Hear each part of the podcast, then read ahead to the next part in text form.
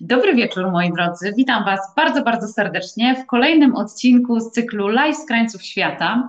Ja nazywam się Anna Nowotna-Nadziejko i jestem ciekawa, kogo mam po drugiej stronie, więc koniecznie, moi drodzy, w komentarzach dajcie znać, kim i dla kogo dzisiaj będziemy prowadzić to niezwykłe, energetyczne, pełne e, wrażeń, ciekawostek e, i z pewnością dobrej energii spotkanie. Więc koniecznie dajcie znać w komentarzach, e, kto jest dzisiaj z nami. Dobry wieczór, witam Was bardzo, bardzo serdecznie. Bardzo wyjątkowe, słuchajcie, to dzisiejsze spotkanie, ponieważ mam nadzieję, że dzięki niemu uda nam się razem z moim gościem wysłać Wam pewne przesłanie. A to przesłanie jest takie, że podróżować się da da się podróżować, natomiast trzeba się do tej podróży trochę lepiej przygotować, e, przemyśleć to, gdzie się wybieramy, e, co planujemy robić e, i tak naprawdę na te wszystkie pytania i te bardzo cenne wskazówki, które zebrałam, słuchajcie, dla Was specjalnie, napisałam artykuł, który możecie przeczytać w najnowszym wydaniu Sukcesu po Poznańsku, do którego Was bardzo serdecznie zachęcam. Wydanie marcowe, tam nasz artykuł Podróżowanie w dobie pandemii, jak wygląda, czy się da. E, zapraszam Was bardzo, bardzo serdecznie. Możecie zobaczyć, przeczytać e, je zarówno w wersji online na stronie Sukcesu po Poznańsku, ale i także oczywiście w wersji papierowej, ci, którzy e, są ze stolicy Wielkopolski. Natomiast moi drodzy, przygotowaliśmy dla Was kilka projektów za oknami powoli zaczyna czuć wiosnę, a jak wiosna, to chce nam się wyjść na zewnątrz. E, przygotowaliśmy dla Was kilka projektów. E, wszystkie te projekty znajdziecie na naszej stronie internetowej www.skydreams.pl. Najbliższe dwa do stolicy Zjednoczonych, właściwie nie do stolicy, ale do Zjednoczonych Emiratów Arabskich, do Dubaju, znanego Wam z pewnością z mojej relacji, e, z podróży. Po odbyciu tej podróży doszłam do wniosku, że bardzo, ale to bardzo chciałabym Wam pokazać Dubaj widziany moimi oczami. I przygotowałam dla Was razem z moim zespołem dwie propozycje. Po pierwsze, taki wyjazd dla pary lub też grupy przyjaciół, a i też dla rodzin z dziećmi. Dzieciaki są w tej chwili na zdalnej nauce, więc jest to świetny czas do tego, żeby móc połączyć przyjemne z pożytecznym. A więc e, Wy możecie w tym czasie sprawdzić maile, e, bo też pracujecie zdalnie. Dzieciaki mogą odbyć e, naukę, a poza tym możecie zobaczyć bardzo ciekawe atrakcje. Jedną z nich jest między innymi Expo 2020, które w tym roku wystawa światowa odbędzie się właśnie w Zjednoczonych Emiratach Arabskich, a dokładnie mówiąc w Dubaju Już w tej chwili do kwietnia można zobaczyć trzy pawilony tematyczne, bardzo ciekawe, e, mówiące o aktualnych problemach dotyczących całego świata. No ale wy tu, moi drodzy, jesteście z pewnością po to, żeby posłuchać e, mojej rozmowy z moim kolejnym gościem. E, powoli zrobię króciutkie wprowadzenie i zaproszę mojego gościa, e, który już czeka na to, żeby móc z Wami podzielić się swoją przebogatą wiedzą e, i ciekawostkami dotyczącymi takiego małego, wyspiarskiego e, państwa, miasta właściwie, e, Malty dokładnie i nie zabieram Was na to sztuczne jezioro, które, nad którym możecie odpocząć e, wiosną, latem czy też jesienią w Poznaniu, a zabieram Was na wyspę, która jest położona około 80 kilometrów od wybrzeży Włoch, moi drodzy.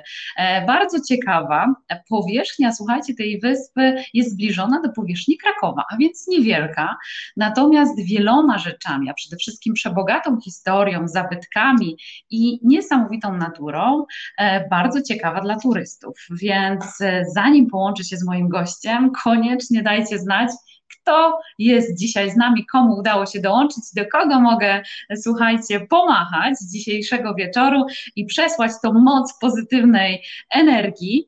E, którą bardzo, bardzo chcę się z Wami podzielić. Dobry wieczór, jest z nami Klaudia, fantastycznie Ciebie widzieć, e, moja droga. Więc powolutku, powolutku e, będziemy, moi drodzy, myślę, że zaczynać i pamiętajcie e, o projektach, które dla Was przygotowaliśmy, bardzo wyjątkowych. Ewa, dobry wieczór, witamy Cię e, serdecznie. E, o wyjątkowych projektach, także tych w Polsce, bo przygotowaliśmy dla Was wyjazdy z kursem fotografii, która jest nieodzowna w podróżowaniu na te bliższe i dalsze krańce świata, ale i także weekend z jogą i z medytacją. Nic nam tak dobrze nie robi, słuchajcie, jak taka chwila e, dla siebie, e, chwila, w której będziemy mogli popracować nad naszym ciałem, ale i też umysłem, więc zachęcam Was bardzo serdecznie, żebyście zaglądali na naszą stronę internetową, no i mamy taką małą perełkę e, wiosenno-letnią dla wszystkich spragnionych e, hmm, rejsu, pięknego wjazdu na wieżę Eiffla, czy już wiecie o czym mówię? Mówię o Paryżu, więc przygotowaliśmy dla Was też bardzo ciekawą opcję e, zwiedzania Paryża. Oczywiście wszystko z najlepszymi przewodnikami, no ale nie przedłużając, słuchajcie, zapraszam Was bardzo serdecznie w tej chwili na spotkanie z niezwykłym przewodnikiem, z Kamilem Augustynem. Kamilu, jesteś z nami, dobry wieczór. Dobry wieczór, witam Was serdecznie. Miło Ciebie widzieć, uśmiechniętego, trochę odmienionego, bo myśmy się przyzwyczaili do Ciebie w trochę innym anturaż. Postanowiłeś coś zmienić. No tak, raz na jakiś czas trzeba coś e, zmienić, zwłaszcza jak e, się siedzi dosyć dużo w domu teraz, także e, tak patrzeć na siebie cały czas na tą samą twarz, no to, to jest trochę nudno, więc od czasu do czasu coś trzeba zmienić. My w ogóle mieliśmy okazję w niesamowitych okolicznościach się poznać e, na Malcie podczas mojej wizyty. Ty wtedy robiłeś zupełnie coś innego, natomiast nie ukrywam, że uratowałeś nam życie. W sensie mi i mojemu małemu synkowi, który już ponad e, tydzień będąc na Malcie i próbując z nami owoców morza, ryb i różnych innych pyszności, które dla nas były rarytasami, jemu już się marzyło absolutnie zjedzenie czegoś polskiego i dzięki tobie on miał tą okazję, ponieważ e, ty miałeś przyjemność być szefem kuchni w jednej z maltańskich restauracji. Tam się właśnie poznaliśmy, prawda? Tak, to prawda. No, jak to często bywa z nami imigrantami, e, jak gdzieś wyjeżdżamy, to łapiemy się tego, co, co jest dostępne. Także e, pracowałem w restauracji, pracowałem no, w różnych miejscach tutaj na Malcie już pracowałem, także przez kilka się już przewinąłem tutaj. No ale ty z razem z małżonką e, już e, prawie od dekady mieszkacie na Malcie. Co was tak zauroczyło w tej jakże maleńkiej, ale magicznej wysepce? No, mnie przede wszystkim e, to, jak ta wyspa jest bogata w historię. Ja jestem historykiem poniekąd. Także będąc tutaj na wakacjach, bo pierwsze nasze spotkanie z Maltą to były dwutygodniowe wakacje, tutaj przyjechaliśmy do znajomych to właśnie było zderzenie z tą historią, z tą mnogością historii, jak na tak małe miejsce, także mnie to e, zafascynowało. No a poza tym była taka mm, jakby chęć zamieszkania w miejscu, gdzie jest troszeczkę więcej słońca. My spędziliśmy z żoną 5 lat w Irlandii, także mm, mieliśmy e, deszczu pod dostatkiem, więc w pewnym momencie pojawił się projekt, żeby przeprowadzić się troszeczkę do jakiegoś cieplejszego miejsca. No w naszym przypadku odbyło się to przez Polskę jeszcze, e, no ale w końcu trafiliśmy do, do tego słonecznego miejsca, także jesteśmy tutaj. Ale czy to prawda, mówiąc o pogodzie, może to dobry moment, żebyśmy sobie porozmawiali w ogóle o klimacie wyspy. To prawda, że przez 300 dni w roku świeci słońce na Malcie? Jak to jest z tą pogodą i, i kiedy najlepiej tak naprawdę wybrać się na Maltę? Tak, to prawda. Znaczy tak mówimy, że to jest 300 słonecznych dni w roku. Każdego roku pod koniec e, roku mm, tutejszy Instytut Meteorologiczny wydaje taki raport e, roczny, ile tego słońca było. No i wychodzi mniej więcej około 300 dni. E, także tego słońca naprawdę jest tutaj pod dostatkiem. No i to widać po mieszkańcach Malty, że, że mają tej witaminy, prawda, sporo ze słońca. Jeżeli chodzi o, o, klimat, no to on jest bardzo różny. Jeżeli chodzi o lato i, i zimę, e, to jest właśnie niesamowite, jeżeli chodzi o Maltę, że ona potrafi się tak bardzo zmienić. E, jeżeli przyjedziecie w lecie, to ona będzie mm, taka dość żółta, e, z odcieniami brązu, bo wszystko jest wyschnięte, wypalone. Natomiast y, mm, mało kto mi wierzy, jak opowiadam w lecie, że te wyspy potrafią być bardzo zielone i, i kwie, y, kwitnące, prawda, y, w każdym miejscu, bo w zimie faktycznie właśnie mm, to wszystko odżywa, prawda, zaczyna e, rosnąć, e, zaczynają się pojawiać kwiaty, Teraz na przykład jest ich sporo, ja to tak nazywam e, falami, prawda? Najpierw jest fala biała, białych kwiatów, później żółtych, czerwonych i tak dalej, także jest bardzo kolorowo, bardzo zielono, zupełnie inna jakby twarz tych, tego archipelagu.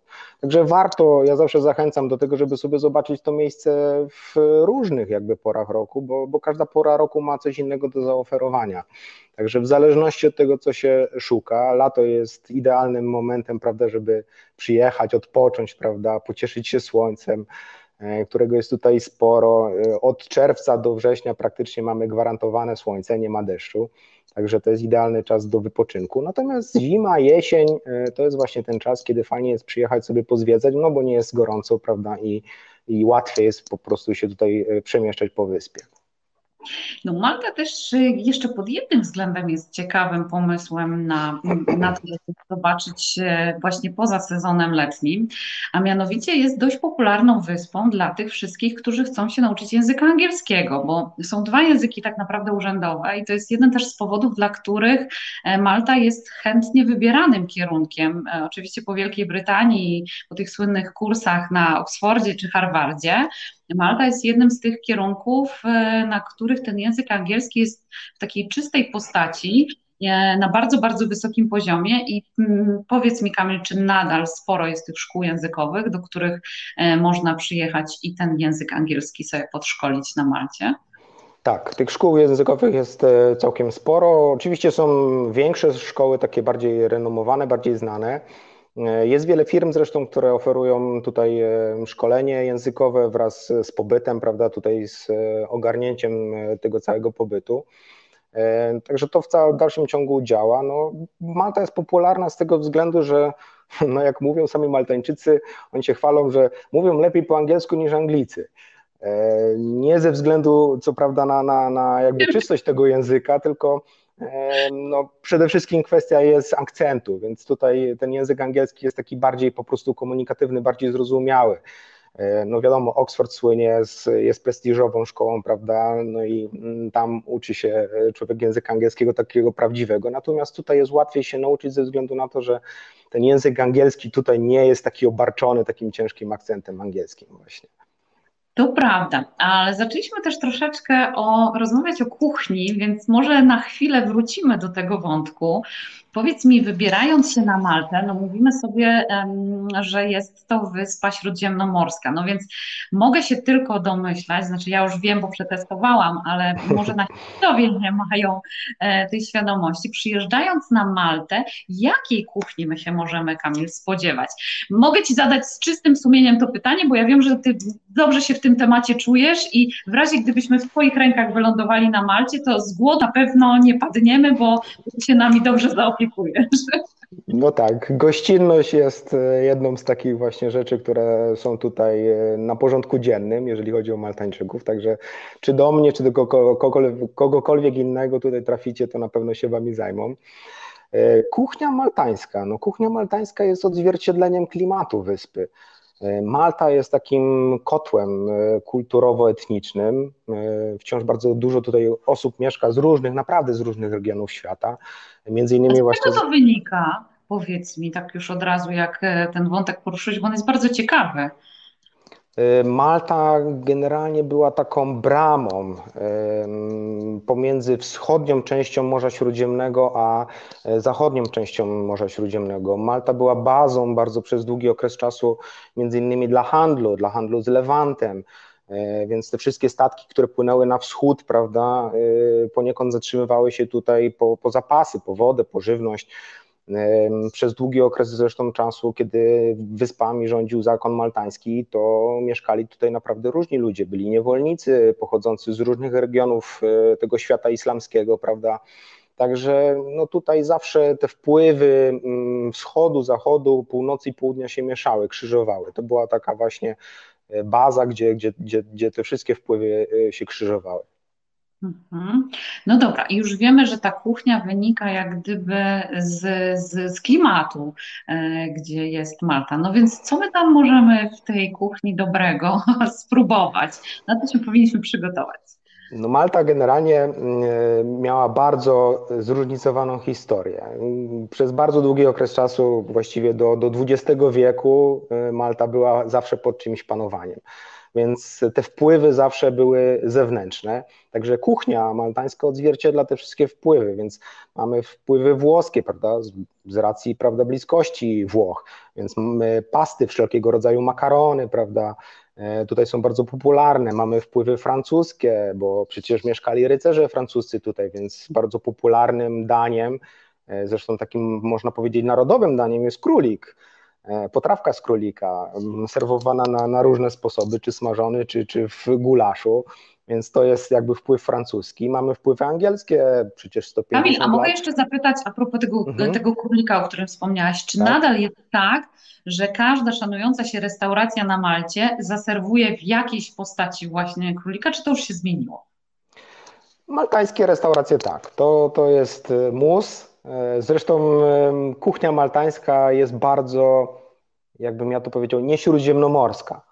Okej. Więc Maltańczycy bardzo lubią potrawy dosyć ciężkie. To są potrawy mięsne. E, Tutaj spożywa się naprawdę bardzo dużo mięsa. E, Dlatego właśnie na przykład Maltańczycy, którzy mieli okazję podróżować do Polski, byli zachwyceni naszą kuchnią, bo, bo w wielu aspektach ona jest bardzo zbliżona do tego, co, co podaje się tutaj. E, Więc e, to nie jest taka typowa kuchnia śródziemnomorska. Oni kochają po prostu mięso na różne sposoby, czy wieprzowina, czy wołowina, czy królik, czy, czy drób, prawda, tego się spożywa tutaj bardzo dobrze. Ryby oczywiście też, e, ale to nie jest na przykład taka bardzo śródziemnomorska kuchnia, jak chociażby włoska, więc to jest ten ich akcent, prawda. I faktycznie jak się pójdzie do takiej maltańskiej restauracji, no to jest konina, którą tutaj też się je, prawda, jest królik, jest wieprzowina, jest wołowina, w karcie będzie dużo właśnie tego, mm, prawda, mięsa. Także to jest, to jest taka podstawa tutaj żywienia. Ja e, tłumaczę sobie to w ten sposób, że mm, Malta była zawsze dosyć trudnym miejscem do życia. Tutaj klimat jest naprawdę bardzo e, no, ciężki, jest bardzo gorąco w lecie, jest sucho, Malta jest skalista, naprawdę było bardzo ciężko coś tutaj uprawiać.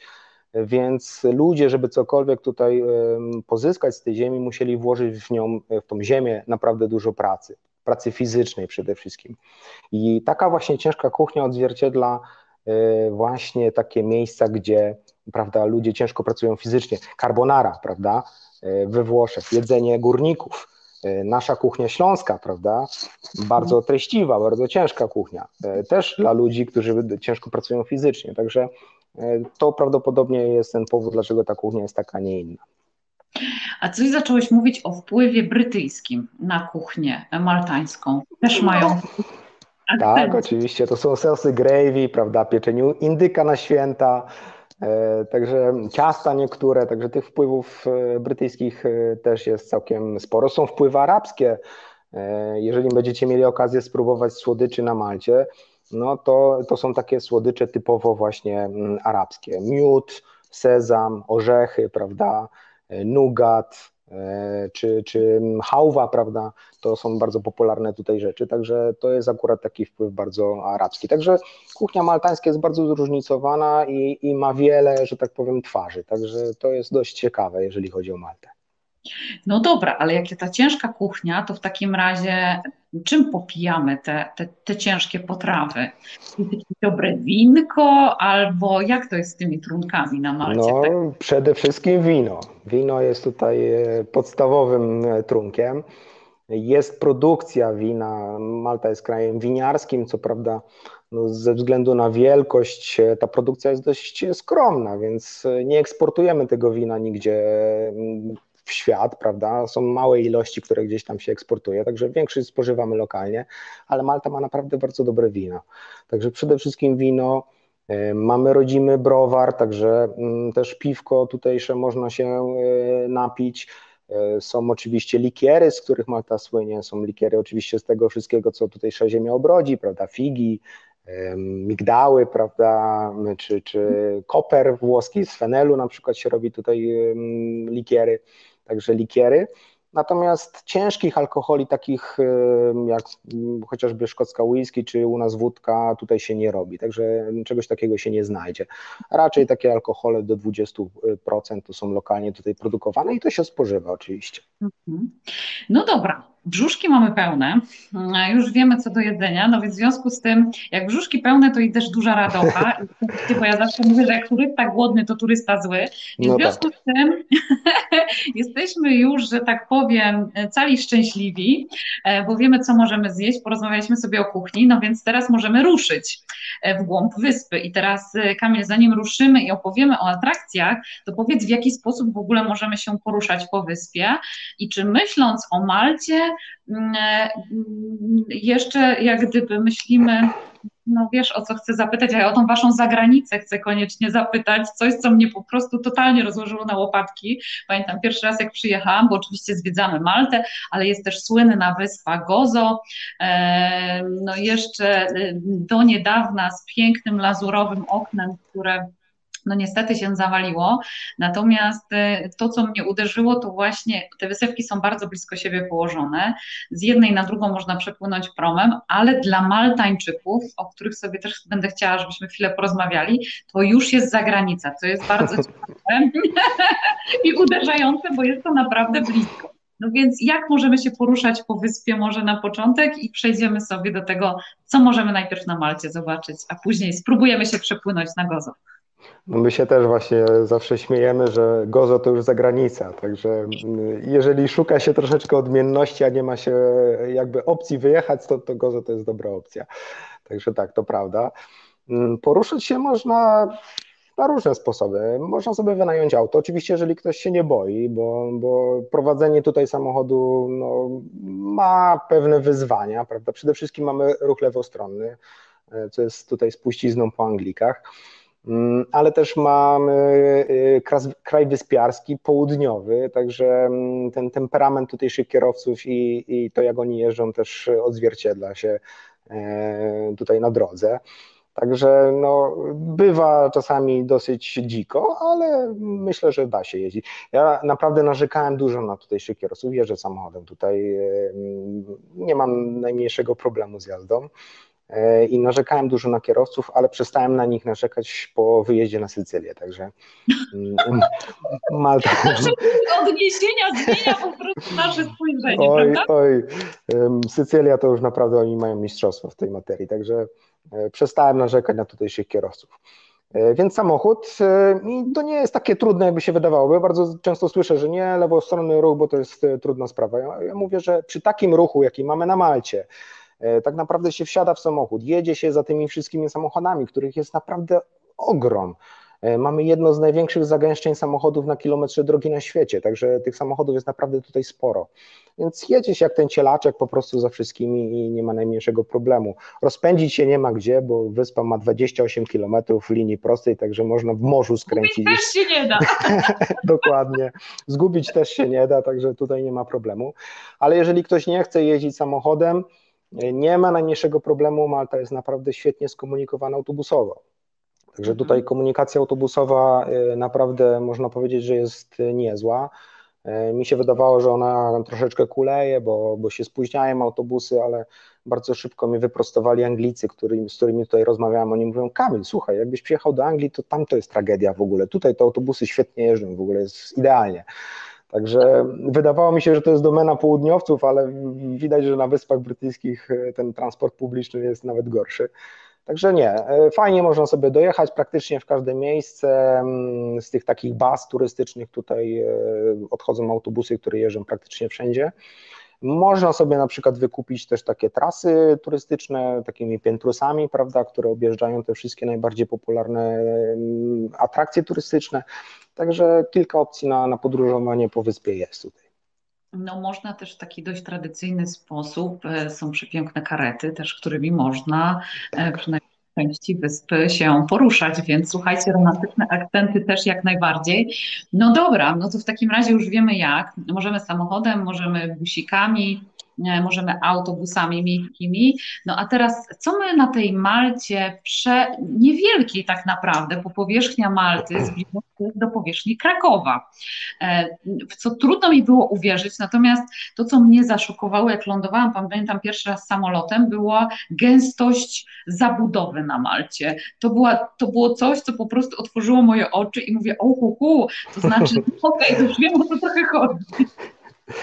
Tak, to prawda. No, Malta jest bardzo małą wyspą yy, i to sprawia, że ta zabudowa jest naprawdę bardzo gęsta, zwłaszcza jeżeli chodzi o aglomerację yy, stolicy, czyli Valetty. Yy, tam większość tak naprawdę obywateli Malty mieszka, więc jak populacja Malty ma pół miliona, to w aglomeracji Valetty mieszka około 300 tysięcy osób. Także to jest większość. To wygląda po prostu jak jedno wielkie miasto. E, no Prawda, jest... ale niezwykłe, a my mamy kilka przepięknych zdjęć, którymi z moich prywatnych kolekcji, którymi chcę się z Wami teraz podzielić. Kamil poopowiada Wam trochę, a ja Wam e, kilka zdjęć pokażę. Dobrze. Więc tutaj mamy właśnie tą gęstość za, za, za, zabudowy i zaludnienia, bo tych ludzi jest naprawdę bardzo sporo. Mm, no i e, pomimo tego e, Malta naprawdę ma jeszcze takich właśnie sporo miejsc, które warto zobaczyć, prawda? Ona może być podzielona tak naprawdę na takie trzy regiony. Mamy południe e, wyspy, które jest takie bardziej rolnicze, tam jest więcej przestrzeni. Północ to samo, tam jest więcej zieleni, więcej takich otwartych przestrzeni. Natomiast centrum jest takie bardzo zurbanizowane. No i tak naprawdę mm, nie da się w tydzień czy dwa tygodnie tutaj całej wyspy zwiedzić. E, pomimo tego, co często słyszę tutaj od moich turystów, że a to, to w tydzień to ja szybko sobie tutaj wszystko oblecę, raz ciach, ciach i wszystko mam już e, zobaczone. Nie, uwierzcie mi, ja po 10 latach wciąż e, na, na, natykam się na takie miejsca, docieram do takich miejsc, których jeszcze nie widziałem. Także, żeby ją naprawdę dobrze zobaczyć, to wymaga naprawdę sporo czasu. Oczywiście te wszystkie najbardziej popularne destynacje, najbardziej popularne miejsca na Malcie da się zwiedzić w tydzień. E, zwykle tyle trwają tutaj pobyty naszych turystów. E, niemniej, żeby tak naprawdę poznać te wyspy, to wymaga tutaj dużo, dużo więcej czasu. No tutaj mamy piękne zdjęcia z Gozo. Przede wszystkim nasze okno, które, jak już wspomniałeś, nie istnieje, tak. Będzie rocznica za kilka dni, o. Bo, tak, bo okno zawaliło się, słuchajcie, 8 marca. Dzień o, w Dzień Kobiet. Tak. Oczywiście mężczyźni pewnie się śmieją, że to nie przypadek. Nie przypadek. Jest e, taka wersja, że okno zawaliło się po to, żeby kobiety zgozumiały jedno okno mniej do mycia. Także o, to... taka przychylna dla kobiet ta wersja. tak, dokładnie. No więc, więc, no niestety nie ma tego okna. No natura daje, natura zabiera, prawda? Ale są jeszcze inne miejsca, które warto sobie zobaczyć. Jest podobne okno również na Gozo, e, które wymaga już więcej wysiłku, bo, bo troszeczkę ciężej tam się do niego dostać, ale jest podobny łuk e, również na wyspie Gozo. Także to jest jedna z tych rzeczy, które sobie, mm, którą sobie można zobaczyć.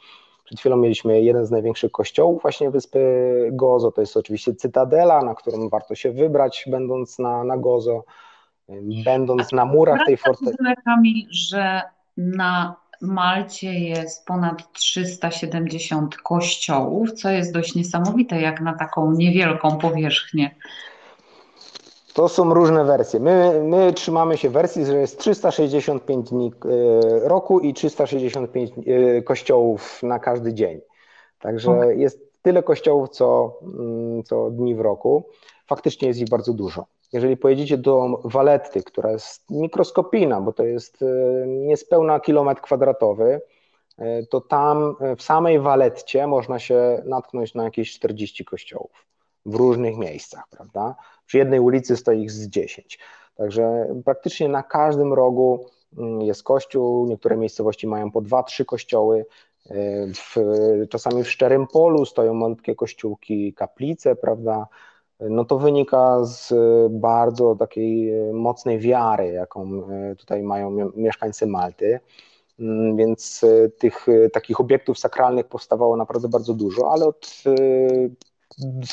wielu lat już tak naprawdę nie buduje się kościołów, no bo jest ich po prostu zbyt wiele w tym momencie. Także mniej więcej od lat 80. już kościoły e, tutaj nie powstają. No, Malta inspiruje też wielu artystów i twórców, ponieważ wiele filmów było kręconych na Malcie, prawda? Tam przed chwilą tak. mieliście kilka kadrów e, właśnie z, z Gozo, gdzie między innymi Angelina Jolie kręciła jeden ze swoich filmów, ale ich było bardzo dużo. Ty pamiętasz w ogóle te wszystkie? Pewnie nie, ale... Nie, wszystkich, wszystkich nie no pamiętam. Ale te najbardziej znane chociaż, takie kadry, które e, mogą się nam e, kojarzyć. Niedługo no. będzie dokładnie 100 lat, jak kręcą filmy na Malcie. Pierwszy nakręcono w 1925 roku. E, I do tej pory powstało ich, no, będzie jakieś 350 produkcji. Dużych tytułów, naprawdę dużych tytułów, bardzo znanych tytułów, takich jak chociażby mm, Gra o Tron, oczywiście serial HBO, E, był tutaj kręcony między innymi hrabia Monte Cristo, mm, kapitan Phillips z Tomem Hanksem, były sceny do kodu Leonarda da Vinci z Tomem Hanksem kręcone, e, był film War War Z z e, Bradem Pittem kręcony na, na Malcie. Także tych tytułów, nawet nasi reżyserowie, Roman Polański przecież kręcił na Malcie swoich piratów.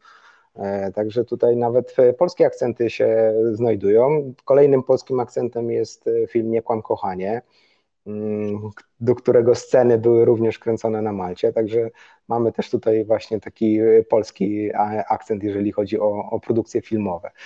No, produkcje filmowe mm, są popularne na Malcie ze względu na to, że rząd Malty bardzo chętnie wspiera. Tutaj chodzi o kwestie finansowe, prawda, podatkowe więc e, tutaj rząd Malty wychodzi naprzeciw tym e, wszystkim filmowcom.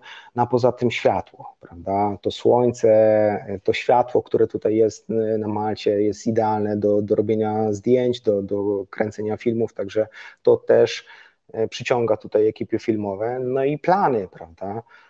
Mamy mnóstwo pięknych zabytków. Valetta może zagrać w kilku filmach. E, jednym z takich zresztą filmów bardzo znanych, e, słuchajcie, był film mm, Monachium, e, który w, praktycznie w całości był nakręcony na Malcie. Początkowo planowano około połowę filmu nakręcić na Malcie, ale jak przyjechali tutaj filmowcy zobaczyć, jak wyspa wygląda, jakie tutaj są plenery, to zdecydowali się, że właściwie cały film mogą tutaj zrobić. E, także mm, kolejna taka superprodukcja, która tutaj prawda, powstawała. Także no, Malta dość dużo e, na tym korzysta i w cały, cały czas się kręci. E, niedawno między innymi właśnie był kręcony serial, to już jest trzeci sezon serialu mm, Das Boot, który jest jakby adaptacją serialową filmu, który jakiś czas temu powstał, Wolfganga Petersena, także teraz już trzeci sezon kręcili tutaj na Malcie, gdzie między innymi Medina, e, czyli stara stolica Malty, zagrała Lizbonę. Także o, tutaj, tak. Także mieszają się tutaj jakby e, te motywy europejskie na, na, na naszej wyspie. No a my już jesteśmy na zdjęciach właśnie w Waletcie. Dokładnie bardzo charakterystycznymi budynkami. E, widzicie, po Waletcie można też podróżować takim elektrycznym e, pociągiem. No ale właśnie, tu jakieś takie skrzynki, słuchaj, bardzo charakterystyczne też dla Wielkiej Brytanii, więc trochę tych akcentów pozostało po, e, po Brytyjczykach nadal na, na Malcie. No jak miałem okazję gdzieś tam z Brytyjczykami się spotykać, czy oprowadzać ich, to oni zawsze żartowali do mnie, mówią, Kamil, słuchaj, wy macie więcej tych budek telefonicznych i tych skrzynek takich typowych e, angielskich niż my ich w Anglii mamy. E, także tutaj no, sporo się tego za, zachowało. E, no i to jest też zabytek, prawda? Bo na przykład chodząc po Malcie zauważycie, że wiele takich skrzynek pocztowych, które tutaj są, są naprawdę stare. Każda z nich nosi inicjały królewskie króla czy królowej, za której y, lub za którego została ona zainstalowana. Także są skrzynki, które pamiętają XIX wiek, więc to też jest jak, jakaś tam forma prawda, zabytku. Także to są te wpływy angielskie, oprócz ruchu, gniazdek, prawda, i różnych innych rzeczy, które tutaj po Brytyjczykach nam zostały. Sporo przepięknych drzwi można zobaczyć na Starówce i takie charakterystyczne, zabudowane balkony. One mi się tak bardzo mocno kojarzą zawsze z Walettą. E, balkony, słuchajcie, to jest jedna z takich typowych rzeczy, jeżeli chodzi o architekturę tutaj. Zresztą przed sekundką mieliśmy zdjęcie Pałacu Wielkich Mistrzów i właśnie na tym pałacu pojawiły się pierwsze balkony tego typu. E, one nazywane są galeria i wywodzą się z okna, które dawniej muzułmanie budowali dla swoich kobiet. To okno miało na celu E, pozwolić kobiecie wyjrzeć prawda, na zewnątrz, na ulicę, jednocześnie nie będąc widzianą prawda, z ulicy. Także to były takie początkowo zamknięte skrzynie, przez które można było sobie wyjrzeć, a potem one ewoluowały prawda, i zamieniły się w takie właśnie wykurze, balkoniki, które są naprawdę urocze. Jak jeszcze każdy pomaluje je na inny kolor, to jak się idzie taką ulicą, to jest magia po prostu, piękne. Także Prawda, jest... ale trzeba mieć też niezłą kondycję, żeby po tej waletcie spacerować, bo tak jak e, widzieliście na zdjęciach, czy chociażby tutaj, no to do najbardziej płaskich miast e, to, to, to ta waletta nie należy. No to prawda, to prawda. Ona jest dosyć taka mm, pofałdowana. Plan e, był taki, kiedy zaczęto budować miasto, kiedy zakon maltański zaczął budować miasto, chcieli sobie wyrównać wszystko. Między innymi z powodu takiego, że duża część z tych rycerzy, którzy mieszkali na, na wyspie, mieli, miała po prostu problemy z chodzeniem, cierpiała na podagrę. E, więc pokonywanie schodów czy prawda, wzniesień sprawiało im e, problemy, więc chcieli sobie to wszystko wypoziomować. No nie do końca to wyszło. Wypoziomowana jest główna ulica w większej części, natomiast jeżeli gdzieś tam zapuścicie się w boczne uliczki, no to już e, trzeba troszeczkę po schodach albo po, po górkach E, pobiegać. Także to, to wymaga faktycznie kondycji. A my już w tej chwili wchodzimy e, do Mdiny, o której tak. wspomniałeś. To jest, to jest Mdina. Mdina jest tym, czym Kraków dla Warszawy, czyli starą stolicą wyspy. Mdina była stolicą Malty do XVI wieku, do momentu właśnie przybycia na Maltę E, tak zwanego zakonu maltańskiego, czyli e, Joanitów. I to właśnie oni zdecydowali o przeniesieniu stolicy w inne miejsce. I od tamtej pory Mdina jest miejscem, no zwykłym miastem tak naprawdę, aczkolwiek dosyć szczególnym, bo to było od początku istnienia tak naprawdę miejsce, gdzie mieszkała arystokracja. Więc te najbardziej znamienite rody maltańskie zamieszkiwały w Mdinie. I będąc tam teraz, e, wciąż zobaczycie właśnie te pałace przepiękne, prawda? No i macie okazję spotkać jakiegoś markiza, prawda? Potomka tych wszystkich rodów szlacheckich, także ci ludzie w dalszym ciągu tam e, w tym mieście sobie mieszkają. No i to, była, to był też jeden z planów właśnie zdjęciowych e, do, do słynnego, do słynnej gry o tron, prawda? Tam tak. To była gra o tron y, w kilku miejscach w mieście kręcona. Tutaj kręcił właśnie innymi Roman Polański y, swoich piratów. Y, tutaj był kręcony nie tak dawno serial, który powstał dzięki National Geographic z Antonio Banderasem w roli głównej o Picassie, więc też, też kręcono go właśnie w Mdinie. Także no, Mdina też jest bardzo filmowym miejscem, sporo produkcji tam też również powstało. Natomiast zauważyłam, że o ile za dnia tętni życiem, bo tam też są fantastyczne i restauracje, pięknymi widokami, które widzieliście przed chwilą, o tyle już w takiej wieczorowej porze tak naprawdę jest takim uśpionym miastem, co też ma oczywiście swój urok, bo mm, przy tak gęsto zaludnionej wyspie, jaką, jaką jest Malta, fajnie znaleźć takie miejsce, które jest troszeczkę spokojniejsze. A tu już z kolei, słuchajcie, możecie zobaczyć, można się wybrać taką łódeczką, żeby zobaczyć groty skalne i, i, i jaskinie właśnie z poziomu wody, bo Malta, a bardziej chyba Gozo, popraw mnie Kamil, e, jest też świetną destynacją, mm, no może nie taką kolorową i bogatą w rafy koralowe jak Egipt, ale też dość popularną w kontekście nurkowania, prawda? Tak, tutaj naprawdę nurkowanie jest bardzo popularne, jest y, wiele, wiele, wiele szkółek takich właśnie mm, dla, dla chętnych na nurkowanie. Y, między innymi ze względu na to, że na dnie morza wokół Malty jest y, też bardzo dużo historii. Tutaj y, chodzi nie tylko też o, o przyrodę, której oczywiście jest sporo w morzu tutaj wokół wyspy, ale też chodzi o historię. Mamy mnóstwo wraków po prostu, które tutaj leżą na, na dnie morza, czy to z czasów II wojny światowej, czy, czy nawet wcześniejszych, prawda? Także bardzo popularne są nurkowania na tych wrakach. Jest na przykład statua Chrystusa, która leży sobie na dnie morza niedaleko portu, z którego się wypływa na wyspę Gozo. Więc to też jest e, taka atrakcja dla, dla płetwonurków.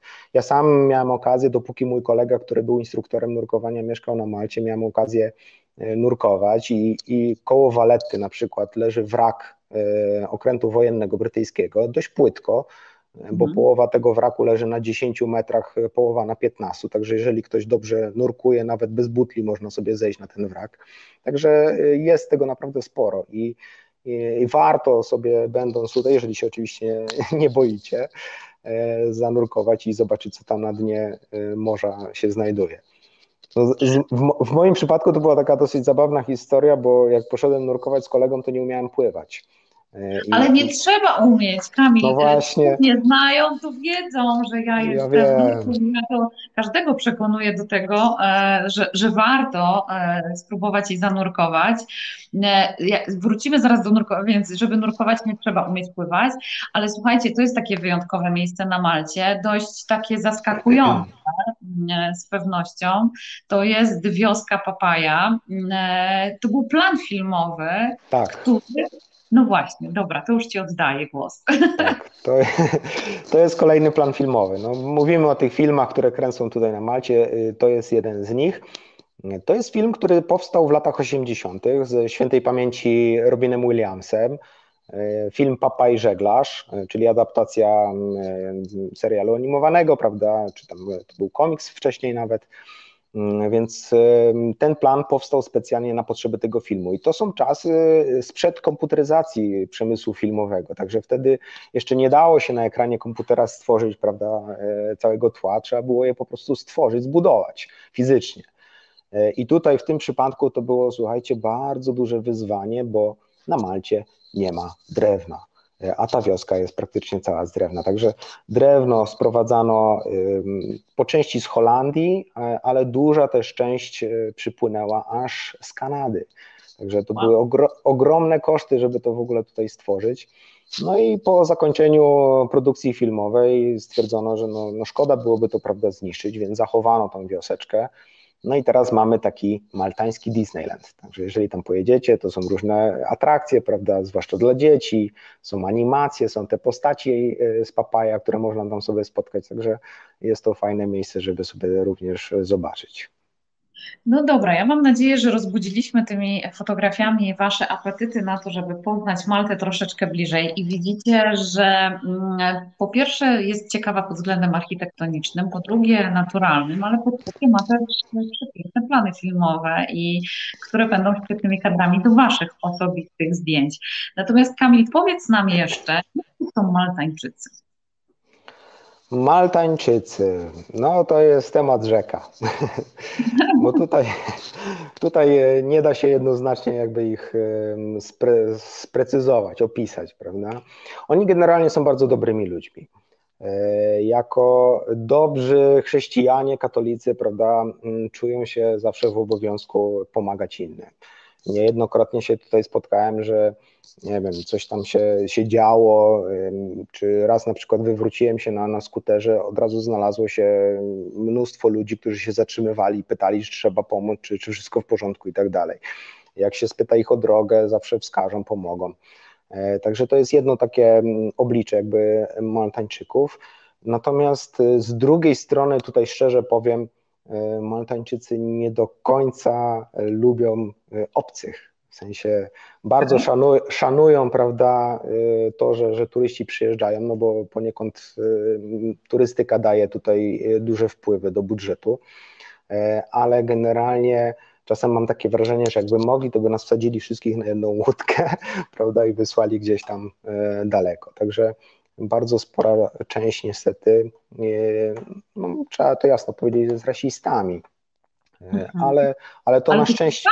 w kontekście tego, na jakiej wyspie mieszkają, która jest takim tyglem właśnie kulturowo-narodowościowym, bo przecież na ulicy można spotkać absolutnie pół Europy, jak nie e, świata tak naprawdę, bo jeszcze wpływy arabskie, o których powiedziałaś, które tak. widać E, faktycznie i hmm, no to ciekawe e, spostrzeżenie, ale to oznacza, że żeby się zaprzyjaźnić z, Malta, z Maltańczykiem, to potrzeba na to czasu, czy, czy, czy, czy oni raczej się ze sobą trzymają, natomiast tak.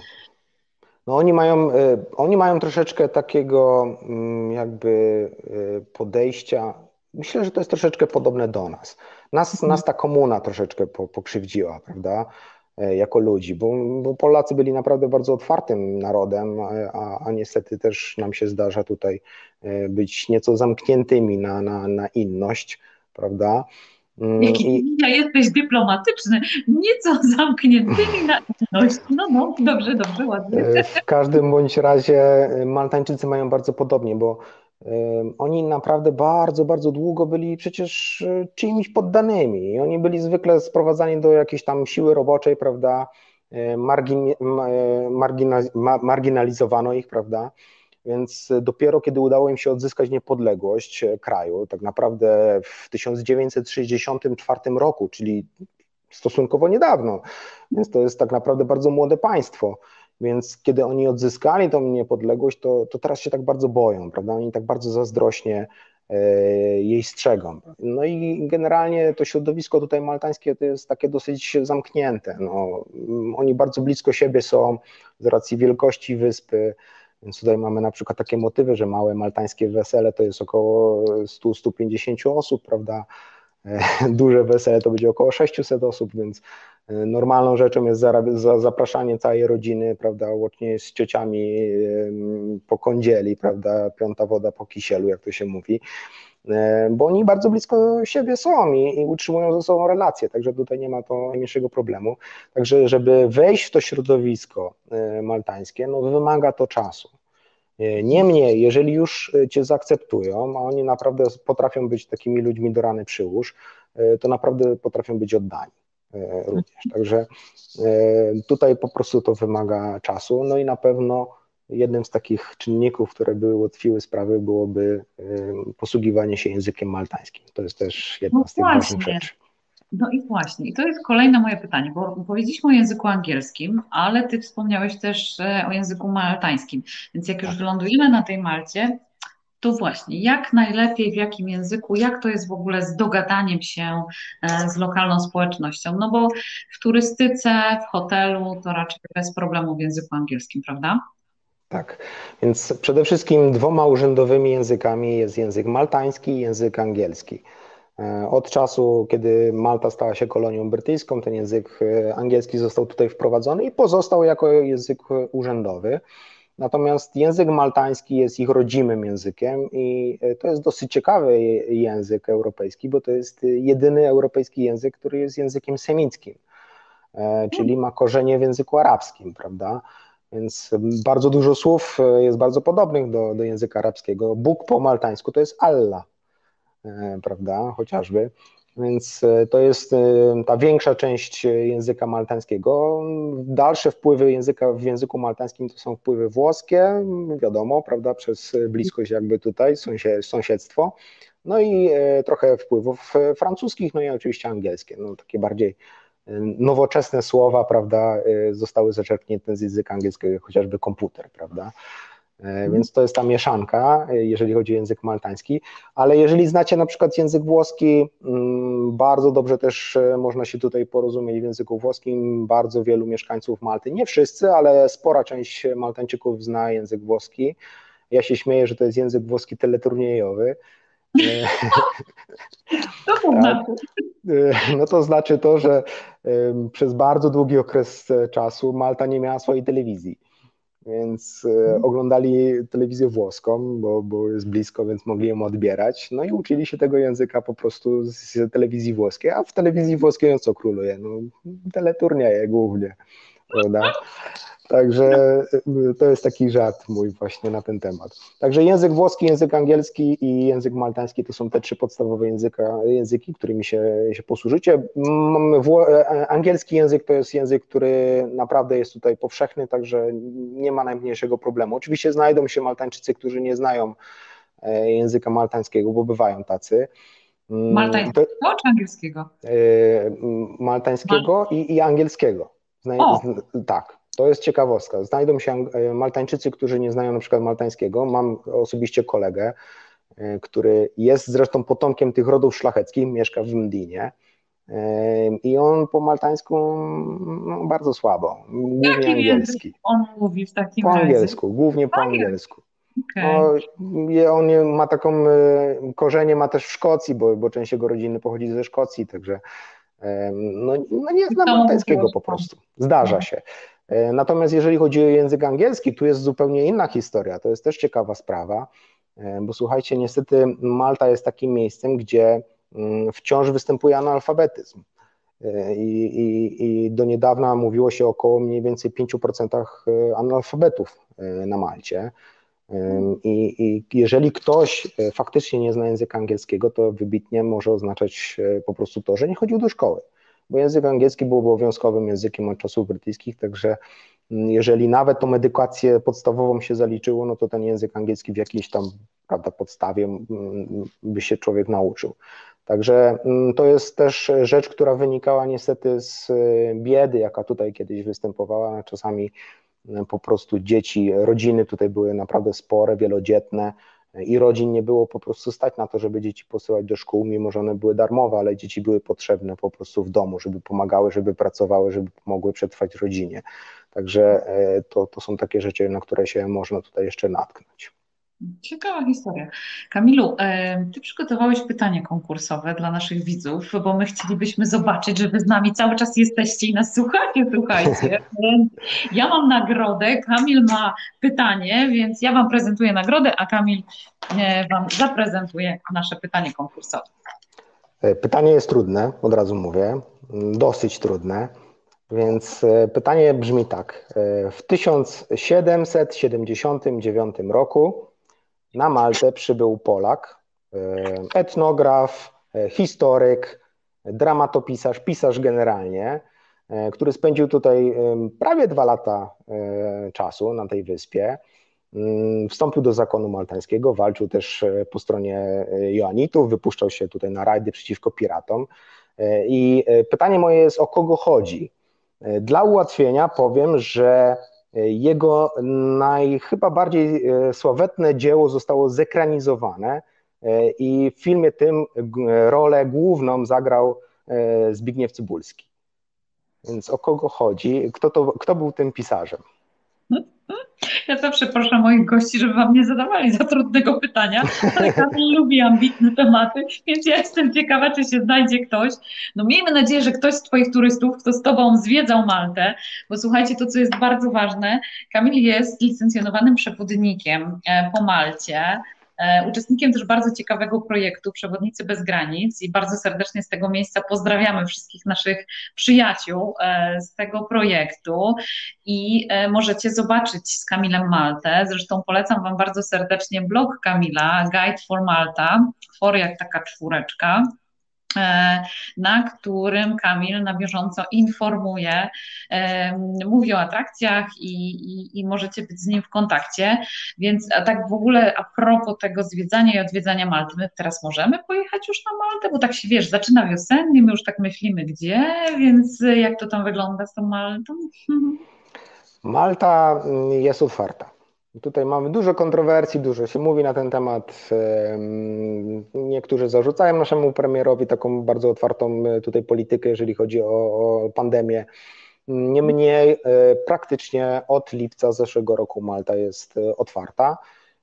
W tym, w tym momencie wygląda to w ten sposób, że żeby wjechać na Maltę, należy mieć po prostu negatywny test na COVID. Na, na, Ale PCR, czy może to być PCR, tak. PCR, e, z tym, że różnica na przykład w stosunku do Polski jest taka, że tutaj 72 godziny może być mm, okay. zrobiony test. Do niedawna było tak, że przylatujące osoby, które nie posiadały testu zrobionego, mm, mogły zrobić go na miejscu i Malta to robiła za darmo, po prostu na lotnisku można było sobie zrobić taki test, 20 minut miało się wyniki. No teraz to się może zmienić ze względu na to, że przewoźnicy zaczynają po prostu blokować dostęp do, do Malty, zaczynają wymagać po prostu tego testu przed wejściem na pokład. E, więc warto sobie ten test e, zrobić przed wylotem. Natomiast no, tutaj po przylocie nie ma najmniejszego e, problemu. Wszystko działa normalnie. Szkoły są otwarte. Tak. To jest bardzo ważne, wiesz co, bo ostatnio mi znajoma opowiadała, że wróciła z Barcelony, no i wiesz, ta Barcelona nie jest taka. Dlatego ja mówię, że moi drodzy, podróżować da się, tylko zanim się wybierzecie w dane miejsce, sprawdźcie, czy czynne są oczywiście hotele, atrakcje i restauracje, no bo to, co sprawia, że my się dobrze czujemy i, i, i że podoba nam się klimat, czy to południa, czy jakieś rajskie wyspy, no to przede wszystkim to, że my możemy po prostu usiąść sobie i zjeść posiłek w jakichś miłych okolicznościach, czy to przyrody, czy po prostu miasta w otoczeniu zabytków, więc super Kamil, że o tym e, wspominasz. E, a powiedz nam, bo no, z pewnością latasz do Polski, żeby odwiedzić najbliższych. Mm, tak ci się spodobało na Malcie, że nie, nie latasz? To nawet nie o to chodzi. Jakoś tak się złożyło, e, że ostatni raz w Polsce byłem, no będzie 4 lata niedługo chyba. Także no dobra, ja już się bałam, że gorzej. Ja już się bałam, że gorzej, więc nie, ale nie. Jak mogę, to latam, ale, ale generalnie no, ostatnimi czasy nie miałem takiej możliwości, także. No dobrze, ale wiesz z pewnością, jak się da dostać na Maltę. Może nam e, udzielisz jakichś cennych wskazówek. Jak tak. możemy. Na Maltę dostać się jest bardzo prosto. W tej chwili no jest troszeczkę to oczywiście utrudnione ze względu na sytuację, jaką mamy na świecie. E, więc te loty na Maltę zostały okrojone. W tym momencie, jeżeli dobrze pamiętam, Ryanair ma jedno połączenie z Krakowa e, i to jest raz w tygodniu, przynajmniej tak do kwietnia, bo potem ta częstotliwość lotu się zwiększy. No i lata również Wizer. No ale też tutaj widzę czasami e, komentarze różnych osób, które bukowały bilet, że, że Wizer potrafi zmieniać, zresztą Ryanair też. Czasami zdarzy mhm. się zmienia, zmiana wylotu, prawda, czy dat tych e, lotów. Natomiast no, póki co Wizer i, i Ryanair latają. W normalnych okolicznościach to połączenie z Maltą jest naprawdę wyśmienite, bo mamy połączenie z sześcioma miastami w Polsce, to jest Wrocław, to jest Kraków, to, jest, to są Katowice, to jest Poznań, Warszawa i, i Gdańsk, także praktycznie z całej Polski, po, nawet po tam jakiejś krótkiej podróży do, do jednego z tych większych miast można po prostu sobie wsiąść samolot i tutaj e, przylecieć.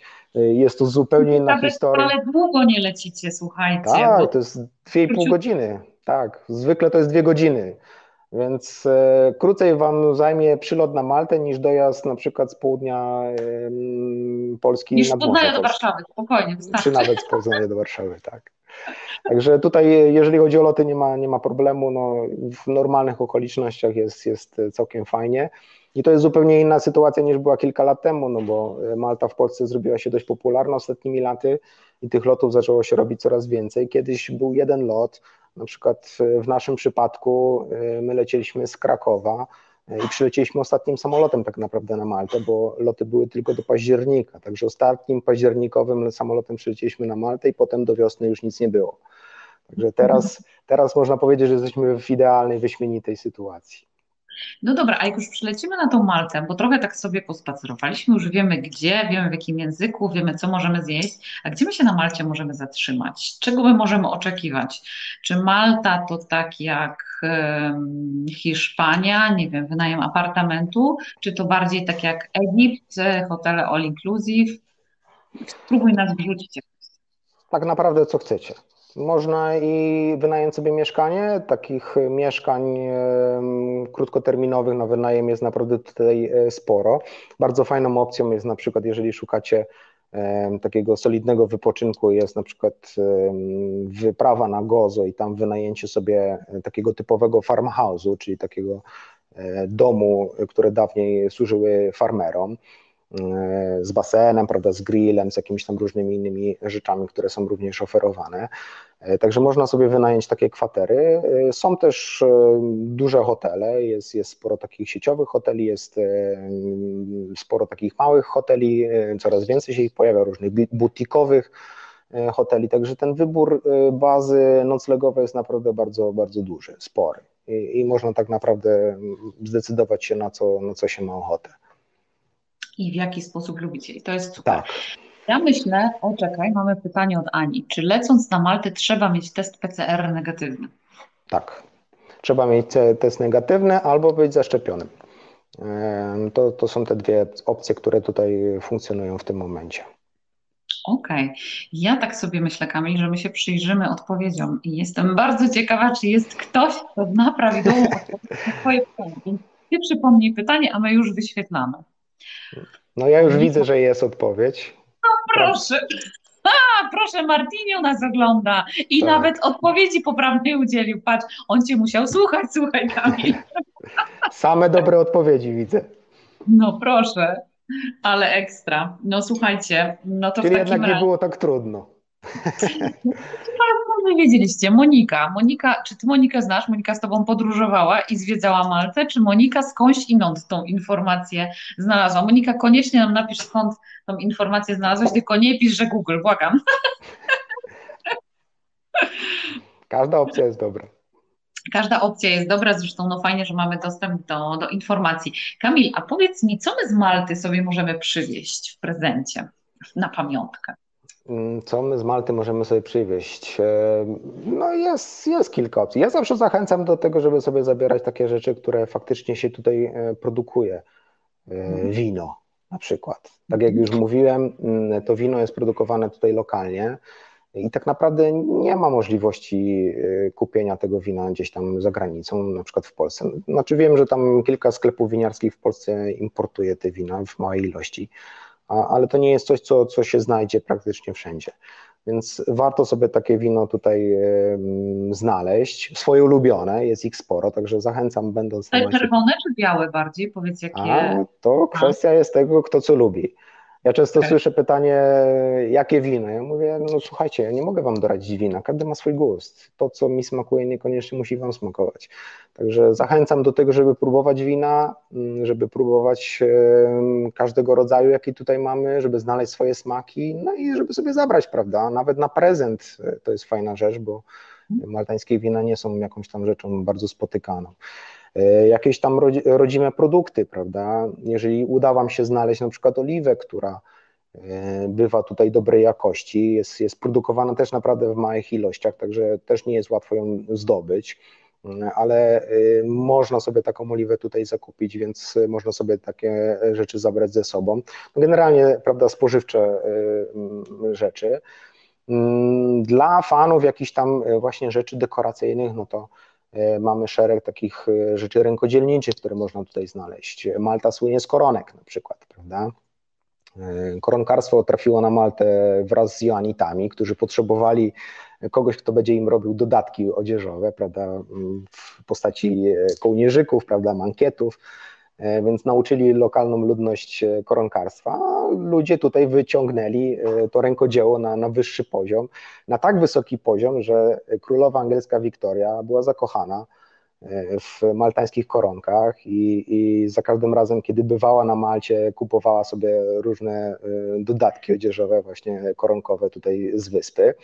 I, i nawet będąc w Walecie, słuchajcie, w jednym miejscu jest posąg królowej Wiktorii, siedzącej na tronie w sukni koronkowej, którą kobiety maltańskie właśnie wykonały dla niej e, z okazji jej jubileuszu. Także e, hmm. dostała również taką suknię.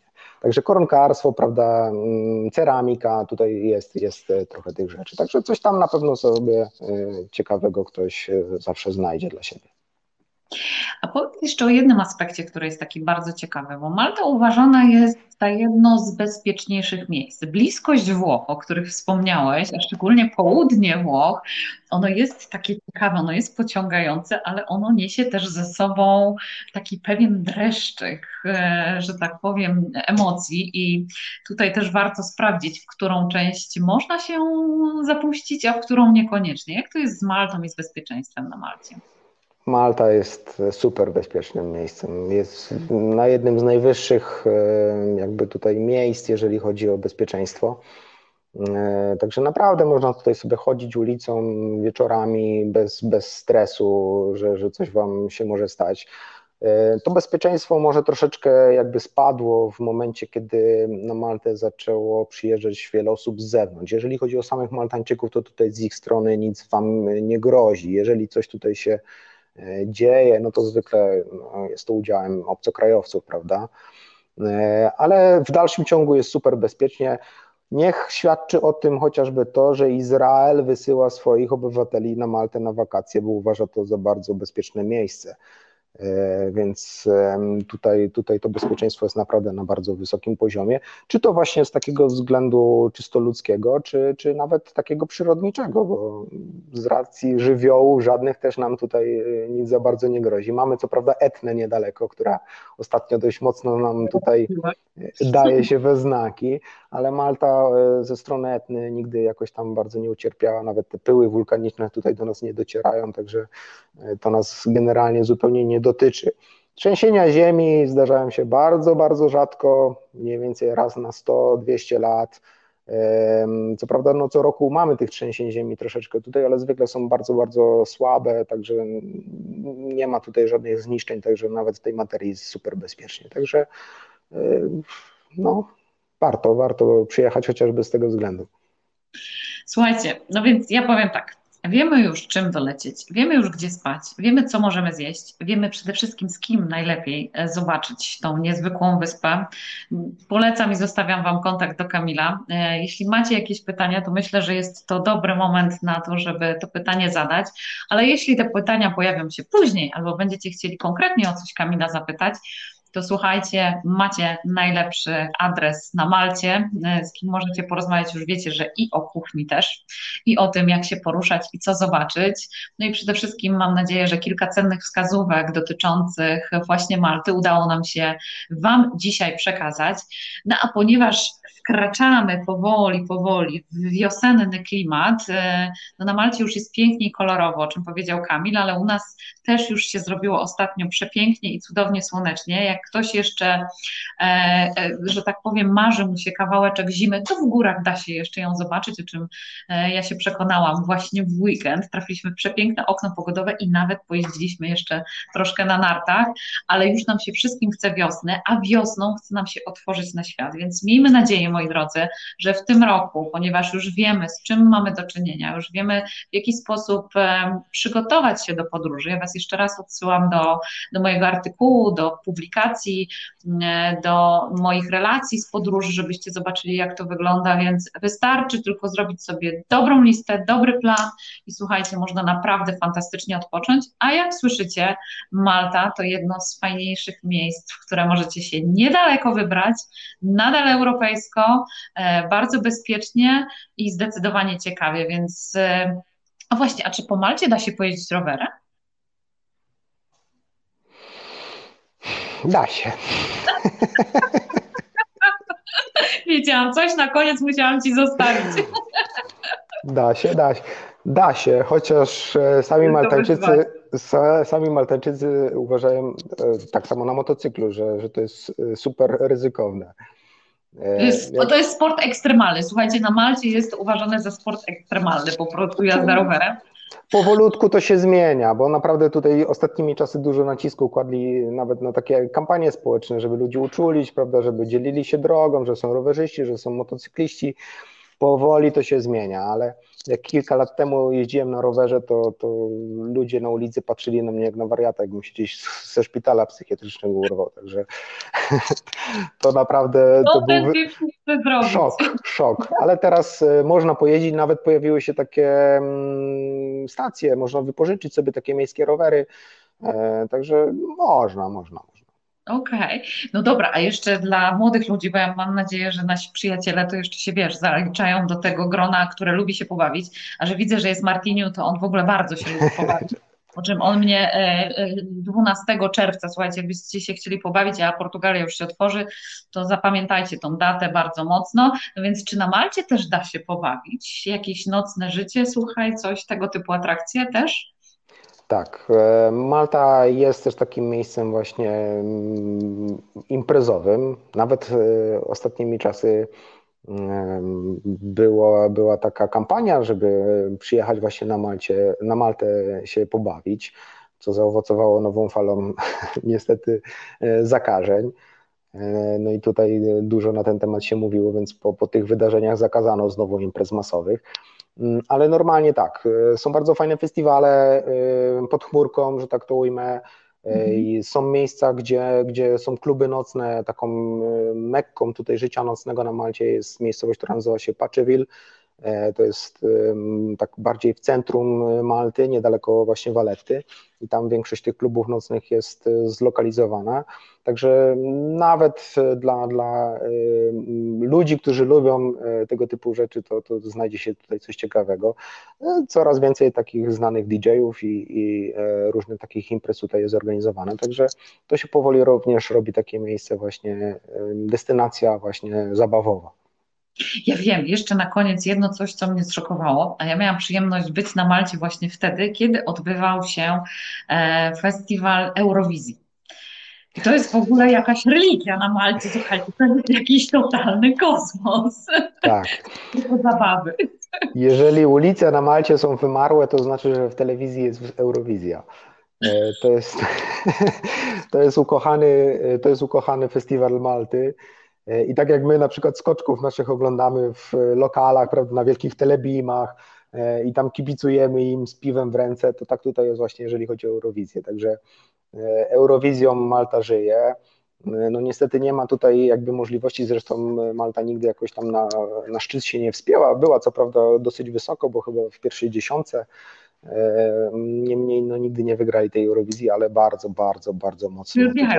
Ale słuchajcie, ja naprawdę byłam wtedy na Malcie i tak w pewnym momencie któregoś dnia cisza, nic się nie dzieje. Mówię, Boże, co się wydarzyło? No i wtedy się okazało właśnie, że była Eurowizja i dlatego po prostu wszyscy siedzieli przed telewizorami, nikogo nie było na ulicy, wszyscy oglądali. Więc słuchajcie, tym optymistycznym, e, wesołym i muzycznym akcentem chciałabym Ci, Kamilu, bardzo, bardzo serdecznie podziękować za tą dzisiejszą rozmowę, za tą dawkę Dziękuję. E, emocji, e, tą taką fajną nutkę przewodnicką. Ja słuchajcie, wiecie doskonale, powtórzę to po raz kolejny, że uwielbiam oglądać miejsca i zachęcam Was do tego, mimo że ja wiele tych miejsc bardzo dobrze znam, bo wracam tam po raz kolejny, ale nikt nie jest w stanie Wam tak fajnie pokazać tych smaczków, tych małych rzeczy, tych podobieństw, które są pomiędzy właśnie Polską, a danym krajem, jak licencjonowani przewodnicy. Więc ja Was bardzo serdecznie zachęcam, jak będziecie się wybierać na Maltę,